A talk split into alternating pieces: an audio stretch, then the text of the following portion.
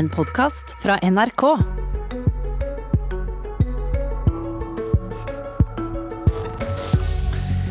Partiledelsen i Frp har rydda opp i fylkeslaget i Oslo, som var styrt av de som kaller seg nasjonalkonservative. Men hva er det konkret de har gjort gale? Nestleder Sylvi Listhaug er den som stiller i Politisk kvarter for å svare om oppvasken. Noen vil sikkert legge en politisk analyse i at det faktisk er du som kommer hit for å svare om dette, men det kan vi jo komme tilbake til. God morgen, Sylvi Listhaug. God morgen. I går ble altså fylkesleder i Oslo, Geir Ugland Jacobsen, ekskludert, og fylkespartiet ble sett under administrasjon.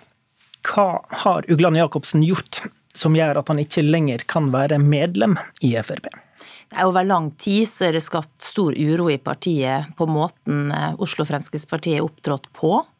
Det har gått både på undergraving av den valgte lederen vår, eh, det handler om nominasjonsprosessen og alt det ståket som har vært rundt det.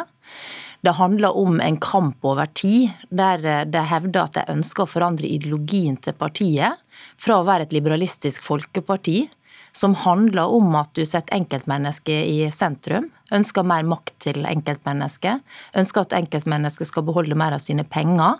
Eh, og ønsker mer eh, medbestemmelse til folk flest. Hva... Det er da blitt et problem, tydeligvis, om man ønsker at eh, partiet skal gå i en nasjonalkonservativ retning.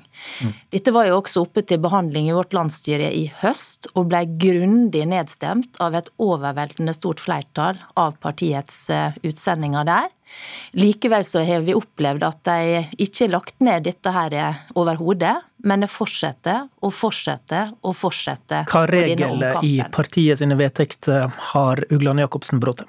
Nei, Det er jo dette med omdømme, skade omdømmet til partiet. Eh, veldig mange rundt omkring i landet har reagert på måten man er opptrådt på. Og omdømme, da handler, det er... handler det da det han har sagt om partileder Siv Jensen i ulike intervju i media.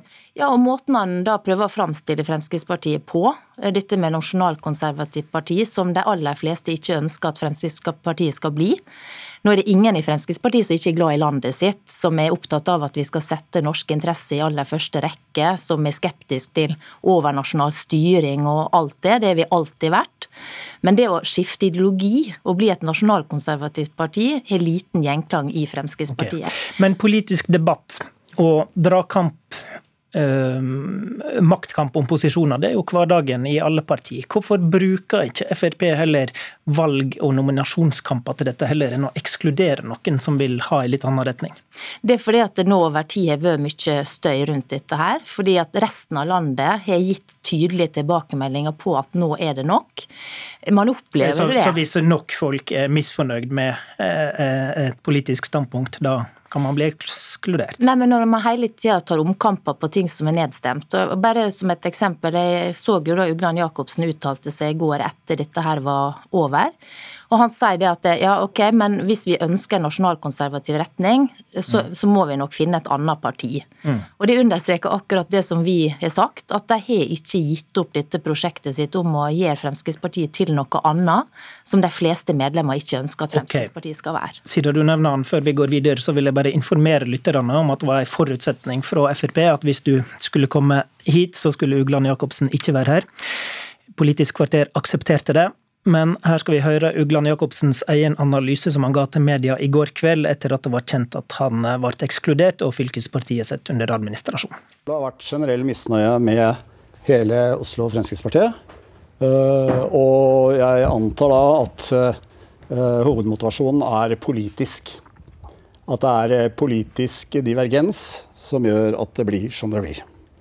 Undertegnede har jo hatt noen uttalelser i media som i seg selv vanskelig kan ses å være en eksklusjonsgrunn. Han mener da sjøl at det han har gjort, er godt innafor. Han har vel rett i at dette er et oppgjør om politisk retning, da? Det er summen av alt det som har kommet derfra det siste året som har vært utfordrende, og som har gjort at vi har fått reaksjoner fra både velgere, medlemmer og partilag rundt omkring i hele landet, som sier at nå er det nok. For at Fremskrittspartiet må være det samme partiet, enten du er i Oslo eller Finnmark eller Møre og Romsdal. Folk skal kjenne oss igjen. Og Det har vært litt av problemet med utviklinga i Oslo, at de har vært i ferd med å utvikle et annet parti, jobber for det, som det store flertallet da ikke ønsker å være med på. Men det er ikke for helt tak på. Hvis, hvis det er Eh, enkeltpersonen Ugland Jacobsen, lederen, som har gjort noe som ikke kan tolereres. Um, som handler om omdømme. Hvorfor eh, altså blir han ekskludert, da, men hvorfor blir da hele fylkeslaget satt til side? Det er jo fordi at det, Oslo er splitta. Der er jo folk i Oslo som er fortvila over den utviklinga som har vært. Og så er det vært krefter, da, flere enn Ugland Jacobsen, som ønsker å jobbe for å gi Fremskrittspartiet til et annet parti. Da må du ekskludere eh, deg òg, da. Nå er det jo Glenn Jacobsen som har vært talsrøret ut, og som har skapt uro eh, der. Men det er klart vi har vært veldig tydelige nå på at dersom man eh, ønsker et nasjonalkonservativt parti, så er ikke Fremskrittspartiet stedet for det. Da får man finne seg et annet parti å drive politikk ifra. Fordi at Fremskrittspartiet skal være et liberalistisk folkeparti videre. Du er jo ikke kjent for å legge bånd på deg når det gjelder utsegner om t.d. innvandringspolitikk. Og nå viser du jo til at dette nasjonalkonservative prosjektet i Oslo, eh, som jo har handla om å sette Norge først, slik de omtaler sjøl, det, det har gått for langt. Eh, hva var det som ble for ille? Det er jo summen av det. Altså, det ene er at de vil skifte partiets ideologi. og det er jo ikke ja, noe Hva er, er det med den ideologien de uttrykker der som er for ille, da? Som ikke du kan tåle? Nei, Nasjonalkonservativ. Jeg har aldri vært nasjonalkonservativ. Hva legger du i det? da? Jeg har alltid vært liberalistisk. Norge og... først, sier de. Ja, og norske interesser skal vi sette i høysetet. Det er jo Fremskrittspartiet alltid ment. Ja, Men vi er ikke et nasjonalkonservativt parti, vi er, er det, et liberalistisk parti. Er det rasistisk? Er det det det handler om? Nei, men det som er viktig for oss å si, er at vår innvandringspolitikk ligger fast. Den ligger ikke bare fast, den blir utvikla til å bli enda strengere i det programmet som vi skal behandle på neste års eh, landsmøte. Eh, så der er jo også forsøkt skapt et bilde her av at det er stor uenighet i partiet fra, fra disse kreftene da, om innvandringspolitikk. Det er det jo ikke. Okay. Det er et veldig samla parti. Hvorfor ekskluderer dere dem da, hvis det ikke er uenighet? Som sagt, det er uro over tid. Det er en, en undergravingsprosess, illojalitet. Det handler om at eh, manglende rolleforståelse. For eksempel, ta et eksempel da med denne uttalelsen knytta til valg i USA.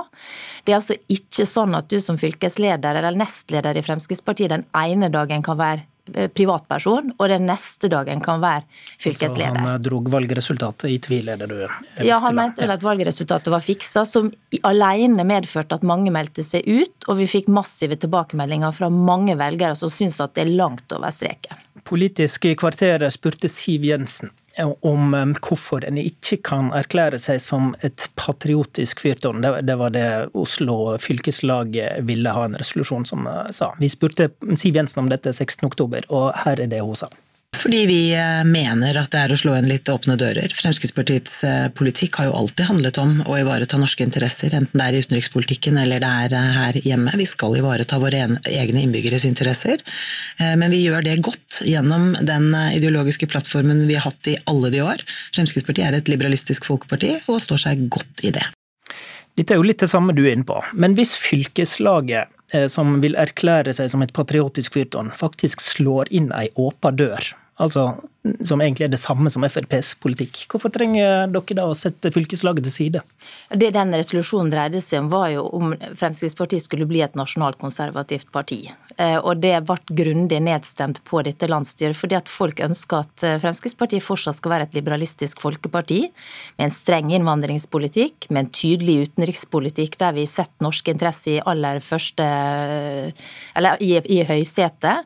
Eh, men den retninga som Oslo har jobba for over tid, den er grundig nedstemt. Men jeg får fortsatt ikke helt tak på det. Altså, hva er det konkret med den retninga? Hva slags politikkpunkt er det som dere ikke kan tåle? Nei, altså, Fremskrittspartiet skal ikke være et nasjonalkonservativt parti. Vi er en, en, en ideologi men, men, men det er et liberalisme. Eh, adjektiv? Altså, Nei, det, konkrete ideologi, politikkpunkter? Ideologi er jo det partiene er bygd opp og tufta på, i hvert fall Fremskrittspartiet som et utgangspunkt. Det handler om frihet for enkeltmennesket, frihet til å kunne velge sjøl, frihet fra eh, statlig overstyring, eh, frihet til å kunne bestemme over pengene sine, ja, eh, osv. Ja, i hvert fall et nasjonalkonservativt parti er noe annet enn et liberalistisk okay. Eh, folkeparti.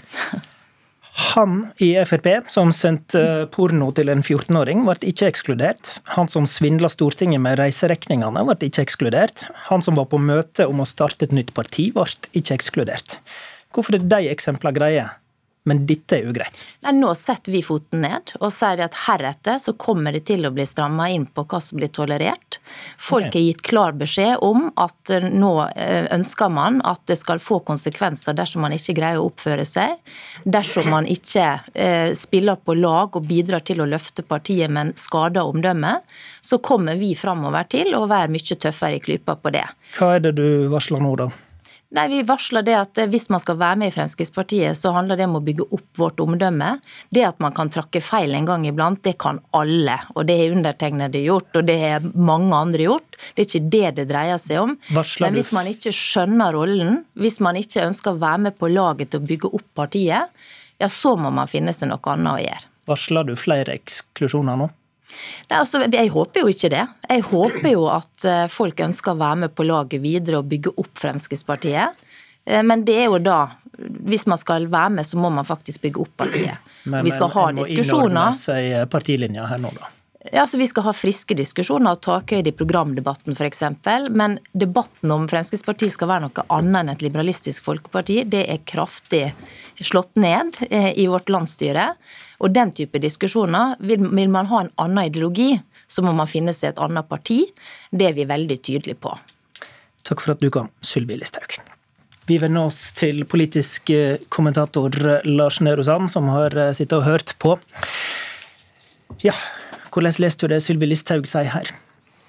Det er jo et ønske om å rydde opp, og det har vært en oppvask, eller behov for et oppvask i, i eh, Fremskrittspartiet i Oslo over tid, som har blitt stående og stående, og nå ender det som tidenes julerengjøring. Og det har det jo vært behov for, vil veldig mange i partiet utenfor Oslo si.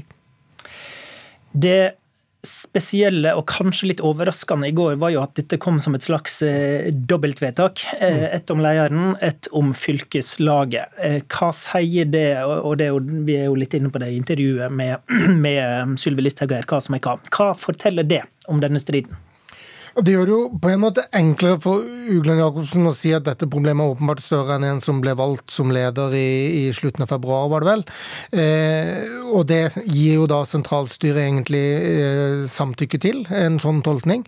Eh, samtidig så er det jo da åpenbart viktig å bli helt kvitt eh, Jacobsen og det han står for, eh, så man har det som en eksplisitt sak i tillegg. Og de sakene hører jo åpenbart sammen, men de, de er jo også litt uavhengige av hverandre, ikke minst når problemet på en måte oppsto. Så, så, at dette har vært noe sentralstyret og, og, partiledelsen kunne grepet tak i tidligere i Oslo, det er helt åpenbart. og Derfor så er det, selv om det er hard hånd i går, så er det ganske svakt lederskap over tid fra Siv Jensen, som har vært vel vitende om at dette skjer i hennes eget bakland, i, i hennes eget fylkeslag. Mm.